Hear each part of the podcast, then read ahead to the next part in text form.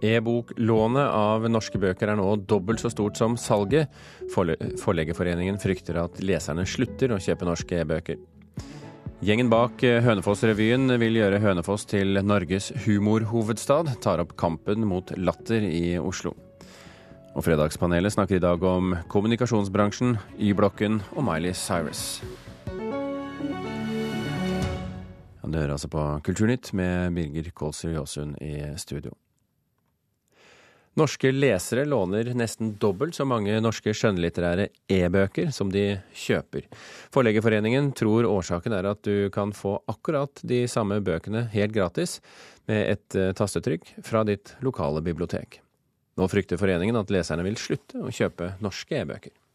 Hvis denne utviklingen fortsetter, så kan det hende at vi kommer i en situasjon hvor det kan bli slitsomt å greie å ha et kommersielt marked for e-bøkene. Det sier Kristen Einarsson i Den norske forleggerforening. Han sikter til at Ola e-bokleser nå låner to norske e-bøker på biblioteket for hver norske e-bok han kjøper. Tall fra den norske bokdatabasen viser nemlig at det i april 2014 ble lånt ut nesten 13 000 norske skjønnlitterære titler på e-bok, medan salet av slike e-bøker bare var om lag halvparten så stort. Det er den store utfordringen. Og da må man jo se litt på hvordan bibliotekpolitikken skal utformes.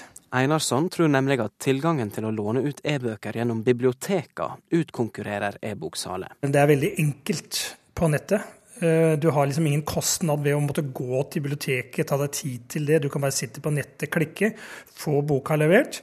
Og det kan også hende at man ikke har det samme eierforholdet til en bokfil som man har til en bok. Jeg tror ikke bibliotekene er noen fare for norsk litteraturproduksjon. Jeg tror rett og slett bibliotekene er en viktig og helt essensiell del av det norske litterære kretsløpet. Det sier Anette Kure, styremedlem i Norsk bibliotekforening. Hun mener kjøpsprosessen for norske e-bøker er komplisert, og at dette bidrar til å holde salet nede. Det å kjøpe norsk e-bok er veldig mye mer komplisert enn å kjøpe f.eks. en engelsk e-bok. Hvis jeg tar tog fra Oslo hjem til Østfold og går tom for bok, så tar det meg nøyaktig tre sekunder å søke opp eh, noe i Amazon og klikke det og ha lasta det ned imellom eh, Ja, det tar, tar et minutt så kan jeg begynne å lese en ny bok.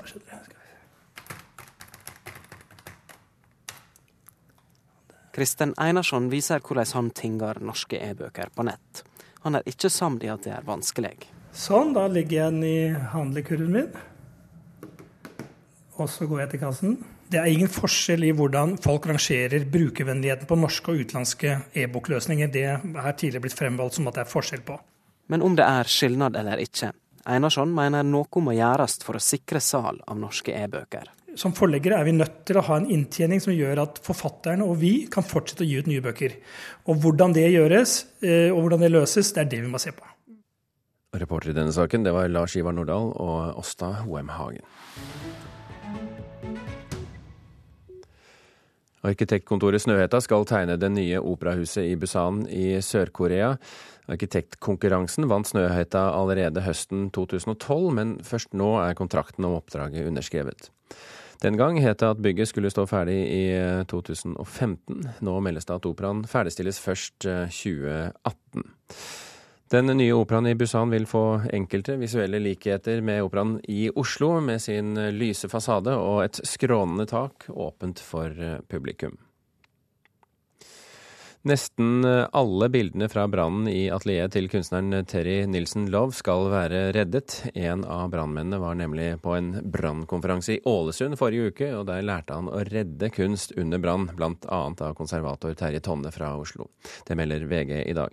Det var onsdag denne uken at det brant i atelieret i Stavanger. Etter brannen ble flere hundre av Nilsen Loves bilder lagt til tørking i en gymsal i byen.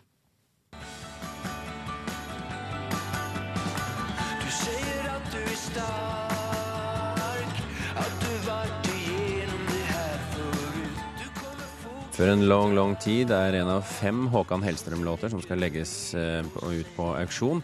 Rettighetene til den svenske popmusikerens låter skal selges på en auksjon i Stockholm i juni, melder Sveriges Televisjon. Det er låtskriverne Johan og Kristina Løvenstrøm som selger sine andeler av rettighetene til låtene, som bl.a. gir rett eh, på betaling når musikken spilles på radio. Låten du nettopp hørte, har en utropspris på 350 000 svenske kroner.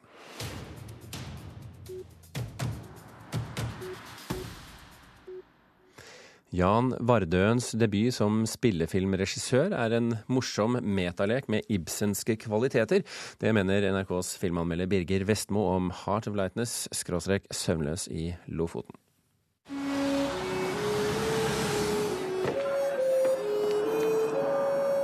rude, but you look really, really awful. Aren't you ill or something? I'm in a bit of trouble. Mm. Exciting. Go on. Well, you remember the Institute gave me a grant to make a film. And if I don't give them a film, they want their money back. Oh, well, you not spend the money. Forfatter, musiker og restauratør Jan Vardøens debut som spillefilmregissør har resultert i en morsom metafilm med ibsensk innhold. 'Heart of Lightness', 'Søvnløs i Lofoten', kan skilte med gode skuespillere som tolker et klassisk stykke i ekstremt vakre omgivelser. Og rammen rundt er fylt av lattervekkende underfundigheter, sjøl om det fulle potensialet kanskje ikke blir utnytta. Men denne filmen er overraskende morsom, underholdende og tro mot ibsenske kvaliteter. My name Jan. I'm a director. Um, and I was wondering if you were doing anything this summer. Vardøen spiller i hermetegn seg sjøl i filmen. Han har drukket vekk pengestøtte fra Norsk Filminstitutt, men må levere en film. Så oppdager han en teatertrupp som spiller Ibsens 'Fruen fra havet' i London, og øyner muligheten til å lage film rimelig enkelt. Han overtaler britene til å bli med til Lofoten for å spille stykket foran kamera, men innspillingsforholdene samt regissørens manglende erfaring og engasjement skal gi store utfordringer. Stopp. Should we give it a bit of energy? Should we grab the audience? Du, vi kan ikke ha to regissører på sett. Du må gå og si fra. Filmen er en miks av bakomscener og innspilte sekvenser. De i hermetegn virkelige opptakene vises i 16.9-format, mens scenene fra Fruen fra havet er i bredformat. Det høres kanskje litt merkelig ut, men fungerer godt. Det er morsomt å følge denne gjengens famlende forsøk på å gjøre noe ingen av dem egentlig kan, samtidig som vi ser hvordan opptakene blir stadig bedre etter hvert som produksjonen nærmer seg et slags klimaks, både foran og bak kamera. Det ligger et uforløst potensial i bakomhistorien. Det anes visse paralleller mellom skuespillernes interne forhold og figurene i stykket de filmatiserer, men det her blir ikke utforska godt nok. Filmen kunne ha blitt enda bedre om Ibsens stykke ble gjenspeila sterkere i rammen rundt. Men de lite teatralske forholdene som råder på filmsettet, står i skarp kontrast til den dramatiske gløden som etter hvert oppstår foran kamera. Det her skaper morsomme nyanser og overganger. Here, they, they don't understand her. They call her the lady from the sea. Tittelen 'Heart of Lightness', 'Søvnløs i Lofoten', spiller sjølsagt lekent på to kjente titler fra filmverden. Den samme lekenheten finner vi òg i Vardøens film, som til tross for at den er bygga på et seriøst teaterstykke, aldri tar det for seriøst. Den viser også at ufattelig vakre Lofoten er rene drømmeland for Petter Holmern Halvorsen og Patrick Sæfstrøms bilder, og at Ibsen, dersom du var i tvil, fremdeles ikke har gått ut på dato never been able to forget this man. I did. I did forget him. But it's as if he came back again. Og filmen 'Heart of Lightness', eh, 'Søvnløs i Lofoten', det er altså Jan Bardøens filmregissørdebut, og den har premiere på kinoer i Norge i dag. Anmelder for anledningen, Birger Vestmo. Klokken er eh, drøyt tolv minutter over åtte. Du hører på Kulturnytt, og dette er toppsakene i Dagsnytt eh, nå. Regjeringen kan komme til å betale ut til sammen 6 milliarder kroner i engangsstøtte til kommuner som vil slå seg sammen. Snart åpner et nytt stykke motorvei på E18, men det betyr også at du må betale mer bompenger. Aldri før har en norsk ishockeyspiller deltatt i verdens største ishockeyfinale for klubblag, før nå. Dette er guttedrømmen, sier Mats Zuccarello Aasen etter at New York Rangers kvalifiserte seg til finalen i natt. Folkene bak Hønefoss-revyen vil nå ta opp kampen med Latter i Oslo, scenen Latter, og gjøre Hønefoss til Norges humorhovedstad. Allerede om to år kan et eget humorhus stå klart med egen scene, bar og restaurant.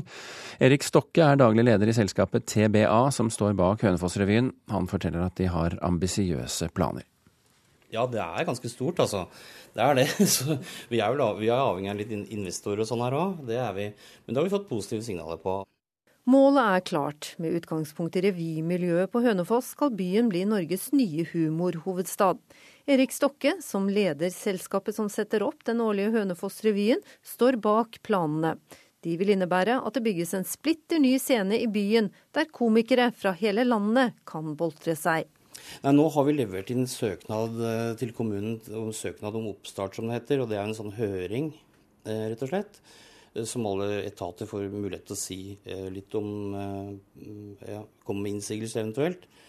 Og så kan vi ha mulighet til å svare litt på høringene. Og så må vi se om det blir en, om det blir en byggesak, eller om det blir en regulerings... Altså vi må lage en reguleringsplan, da. Så det er litt status nå. Det venter vi på litt svar på. Håpet er at Hønefoss-revyen kan spilles i et eget hus fra 2016, og ikke som i dag i et telt ved Ringerike hotell. Huset skal, i tillegg til en scene, romme restaurant og bar, slik at publikum som kommer, kan tilbys en helaften med mat og drikke, i tillegg til forestilling. Stokke har stor tro på den nye humorscenen, og sier de vil ta opp kampen med latter i Oslo. Ja, det må vi. Syns det, altså. Hønefoss må ikke være dårligere. Humorhuset er planlagt bygget på nordsida ved Glattvet brygge. Komiker Jonas Rønning og regissør for Hønefoss-revyen, Bror Andersen, er mer enn klare for å få en ny scene i byen. Et fantastisk moro og et, enda et steg til. Eh, sånn rent som, som revyskuespiller å stå på scenen i teltet er stemninga helt utrolig bra. Men det har vært kult å, å utvide det. For det har skjedd så mye på teknisk fronten de siste åra på hva du kan få til av, av lys og lyd, og ikke minst eh, kanskje litt multimedia-ting. Og, og, for vår egen del, eh, og Hønefoss sin del, faktisk ja. Vi, vi, er jo veldig, altså Oppi alt dette så er vi kjempe Hønefoss-patrioter. Og, og, vi er jo opptatt av byutvikling. Vi kjenner jo veldig mange av de som jobber i næringslivet, kommunen og alt mulig sånn. Så vi tror det, det nye bygget kan være med på å løfte Hønefoss, bli et signalbygg rett ved byen, ved byens identitet, ved byens historiske eh, grunnlag. Der du kan sitte ved fossen ved elva og virkelig ha kortreist underholdning, kortreist mat og kortreist drikke. Ja. Og kortreist stemning. Kommer de til å vinne kampen nå mot Latter og Aker Brygge? Ja, det tror jeg. Altså, nå kommer Ringsbanen, nå kommer E16. Om 100 år så bor det jo 700 000-800 000 i Ringerike kommune. Mm. Minst. Ja, du hørte til uh, slutt komiker Jonas Rønning. Reportere var Maria Kommandantvold og Anette Skafjell. Før uh, Fredagspanelet skal sette i gang, så kan vi ta med eh, et par meldinger her. Apple-aksjen steg med 1,8% på New York-børsen i går, etter at det onsdag ble kjent at IT-giganten kjøper opp Beats Music og Beats Electronic. Beats-selskapene produserer hodetelefoner, høyttalere og tilbyr også en egen strømmetjeneste, og Apple betaler 3 milliarder dollar, tilsvarende 17,8 milliarder kroner, for selskapene. Ifølge Financial Times er dette selskapets dyreste oppkjøp noensinne.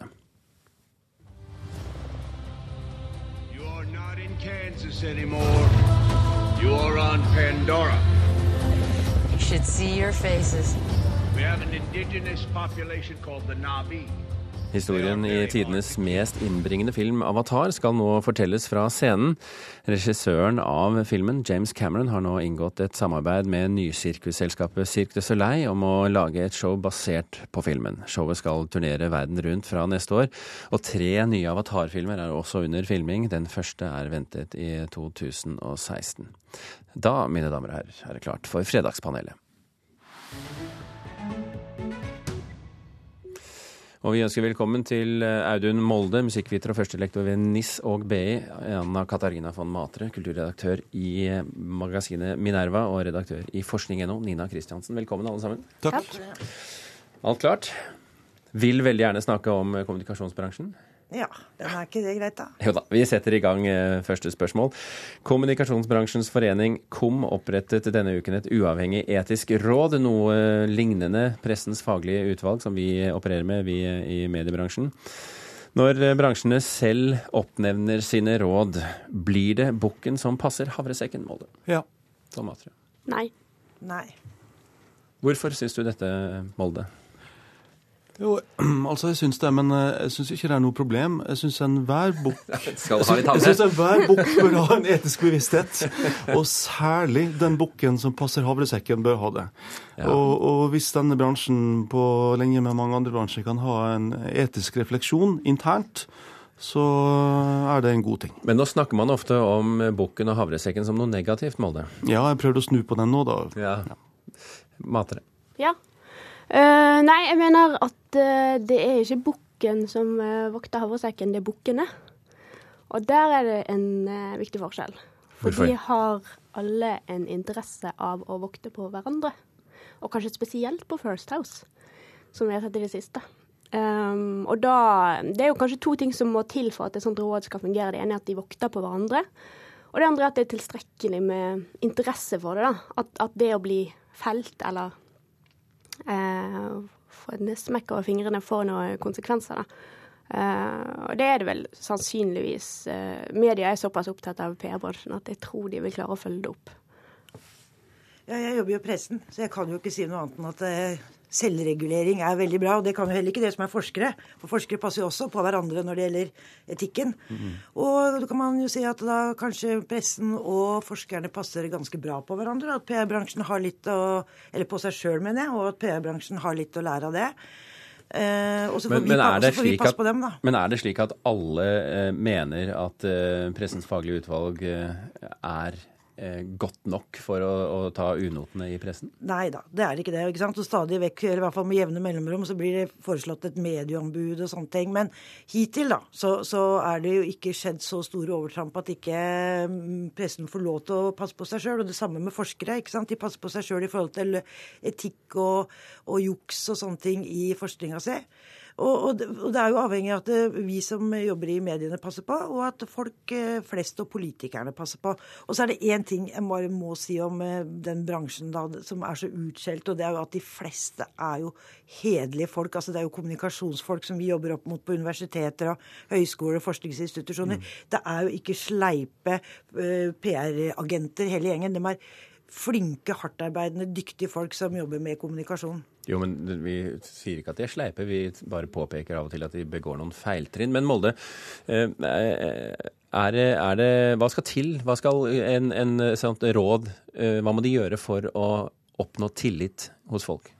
Jeg tror de må være åpne, og de må vise ærlighet. Og de må snakke sånn at folk skjønner at de snakker sant. For dette er jo en bransje som lever av å selge illusjoner, og lever av å selge av og til ting som er litt på kanten.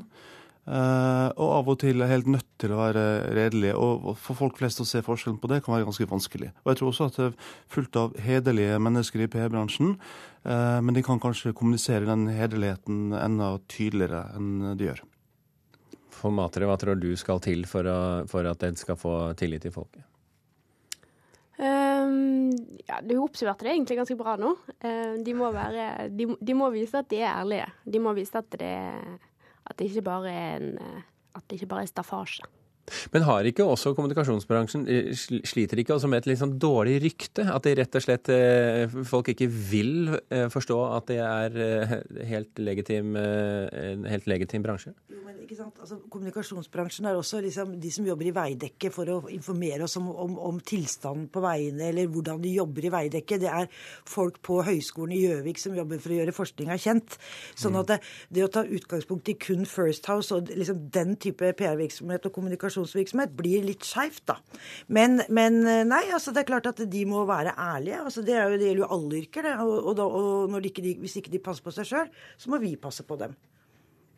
Ok, vi eh, runder av med det og sier at eh, vi har store og positive forventninger til eh, dette nye rådet. Vi går til neste tema for dagen, nemlig Høyblokken og Y-blokken, der Høyblokken skal få stå. Y-blokken skal rives. Det ble klart søndag denne uken, eller kanskje forrige uke, hvis vi sier det sånn. Det har, har i hvert fall regjeringen bestemt, mens arkitekter, Fortidsminneforeningen og Picasso-eksperter og andre fortviler. Det er eh, ulike synspunkt også når det gjelder eh, Y-blokka. Vi har kommet frem til at, eh, at den må rives. I cannot believe my ears. I think the Norwegian government need some fresh advice about the value in situ, in, in a public space, Picasso mural. Ja, Det sa altså Picasso-ekspert Sarah Wilson ved Courtauld Institute i London eh, denne uken. Spørsmålet vårt er er det et riktig kompromiss regjeringen har kommet frem til, von Matre? Ja. ja. Ja. Ja vel. Forklar. Altså Her er det ekspertisen eh, på ganske bred front som sier at dette er galt. Eh, von Matre? Mm, fredagspanelet mener at det er riktig. ja, Da går vi videre. Nei, det gjør vi ikke. Kom igjen, dere skal strekes litt til. Altså, det, det er jo eh, det, det, er et godt kompromiss fordi Høyblokken åpenbart eh, måtte få lov til å stå. Um, og Y-blokken er først og fremst eh, et veldig godt terrormål, sånn som man ligger nå. Og det er, jeg syns faktisk ikke man skal undervurdere akkurat det. Det er så lett å plassere en bil i en tunnel under et hus. Og, og det er ikke så lett, men for en terrorgruppe så er det det. Um, og så er det heller ikke noen Det er ikke noe godt bygg på den plassen. Plassen er ikke fin sånn som den er i dag. Den er ikke spesielt funksjonell. Det ville vært mye bedre å fått, en, en, få tilbake Arne Garborgs plass, en åpen plass. Eh, sånn som det muligens var tenkt tilbake i tiden. Men, men, hvis de skal eh, ta bort bygget, så er det vel knapt snakk om å få en åpen plass, Kristiansen, all den tid de skal bygge x antall eh, eh kvadratmeter der? Ja da, og det er klart. Men, men, det, men jeg tenker sånn at et land som er ramma av den type aksjon som eh, Norge har vært. Og, det er fort gjort å glemme den virkningen det hadde på oss som folk. da. Eh, men altså, hvis vi vil flytte på noen Picasso-bilder for sikkerheten, ja, da skal vi jammen meg få lov til å gjøre det uten at eh, Picasso-ekspertene roper opp. Så enkelt syns jeg det faktisk er. Altså. Det, det, er jo klart at du er nødt til å gjøre noen kompromisser i forhold til den egentlige kunstneriske uttrykk og sånne ting. Men det, det skal vi få lov til etter eh, det som skjedde. Rett og slett. Ja, jeg er helt enig i det. Og nå er jo også Arkitektenes Landsforbund ikke helt ens entydig. Da. Det er jo forskjellige meninger der også. Jeg er først og fremst glad for at det endelig kommet en beslutning når det går tre år, og nå må vi gå videre. Og uh, uansett hva som hadde blitt beslutta, så hadde det vært diskusjon og kritikk rundt dette her. Det skulle bare mangle. Men, Men da, uh, kanskje, vi, uh, kanskje, vi, ser om en 15-20 års tid, da, så har de flytta hele Y-blokka ut på Norsk Folkemuseum. Der har du jo en fin samling av norske bygninger fra forskjellige tidsperioder. Har du lansert denne ideen nå? Jeg gjorde det nå. Jeg syns du har en forunderlig evne til å lansere helt umulige ideer i Fredagspanelet. Ikke sant? Ja. Men ikke dårlig. Vi går til neste tema. Vi har uh, hatt et lite fyrverkeri i landet denne uken, nemlig Miley Cyrus, som holdt konsert i Norge. Og I forkant av showet så snakket eh, mange om hvor drøy hun er, både på scenen og som person. Spørsmålet vårt er forstår dere hvorfor folk eh, blir provosert, i hvert fall noen? Eh, noen, eh, ja. Eh, nei. Nei. Kristiansen, du. Altså, hun er drøy på den der måten som er drøyt i USA, tenker jeg, og som vi har lært å liksom forstå og reagere på på samme måte som amerikanere gjør. Men liksom en sånn berømt ting da som tas fram, det er jo det at hun satt naken på en sånn svær rivningskule. Men fordi hun var da drøy og vulgær eller provoserende på den måten at du måtte sitte helt stille. For som i, i forhold til det amerikanske publikum kunne hun ikke vise en eneste bit av kroppen, eller et kroppsår, eller en brystvort, eller noe som helst. Så hun sitter da helt stille på den eh, kula for å ikke vise fram noe som helst. Det syns jeg er ikke særlig provoserende. En rebell som sitter helt stille, det er ganske kjedelig, altså. Molde, dette er jo din bransje. Ja, det er det. Nei, jeg sier ja til noen, men jeg, jeg, greier ikke å skjønne hvorfor man blir så veldig provosert av dette her. Altså, Vi har jo sett ting før, kanskje vi som har levd eh, en liten stund, da. Eh, husker jo ting som har skjedd tidligere. Og eh, du skal tilbake til 1969, før min tid, men da ble jo Jim Morrison arrestert på scenen i Toronto fordi at han eh, viste noe på scenen han ikke burde gjort. Eh, Rolling Stone spilte på eh, Telenor Arena to dager før Miley Cyrus. Da de var i Norge i 1965 så ble jo de møtt med moralsk indignasjon på nesten samme nivå som henne nå. Ja, De hadde langt hår, vet du. Ja, og det var verre enn det de spilte på sex og du store all verden. Så dette bør vi på en måte ha blitt vant til nå etter 50 år, da, syns jeg. Og så burde jo kanskje man høre litt på musikken hennes, lukke øynene og høre på når hun synger. Hun er ikke så verst. Men da må du forklare en ting for oss eh, formatere. Hva er det som gjør at vi likevel, eller når jeg sier vi, så mener jeg eh, mediene og pressen, likevel snakker om det som en provokasjon, og at det er veldig drøyt osv. Ja, hvis man ser lenge nok på noe, så klarer man jo alltid finne dybde og provokasjon i det. Det gjelder jo eh, veldig mye kultur og kunst. Um, så forventer man at eh, folk er interessert i det. Folk klikker jo ofte på saker som handler om nakenhet. Det er jo, det er jo kanskje så enkelt. Men jeg tror, jeg tror man ofte undervurderer leserne sine også, da det som er med henne, er jo det at du har gått fra søt Disney-stjerne til eh, voksenstjerne og må etablere seg som det og trykke på noen knapper som da mediene kjøper. ikke sant? Og kanskje også ja, Men hvorfor kjøper mediene det? Jo, fordi at nakenhet er godt stoff. da, ja, Men det er ikke bare nakenhet? Jo, fordi det er nakenhet hos en Disney-stjerne. Jeg tror det er det. Hadde hun ikke hatt den bakgrunnen hun hadde, så hadde nok ikke mediene eller vi vært så opptatt av det. Men det er jo også dansemetoden, ikke sant? Litt sånn ja, twerking og opptatthet av Og det å simulere sex på scenen. Det Nei, jeg, jeg, jeg, er ikke forbauset, jeg. men Nei, men da blir jeg enig med deg som oppsummerer 50 år tilbake. Altså at eh, Folk ble jo provosert av Elvis, for han vrikka på hoftene på 50-tallet. Ja, det var fryktelig. Oi, oi, oi. Ja, ja. Nei, vi, vi får runde av her. Eh, tusen hjertelig takk til Audun Molde, Anna Katarina von Matre og Kristiansen for at dere var med i eh, Kulturnytt. Hanne Lunås, Halvor Haugen og Birger Kålsrud Aasund takker for følget. Om litt så kommer Nyhetsmorgen tilbake med flere nyheter. Hør flere podkaster på nrk.no podkast.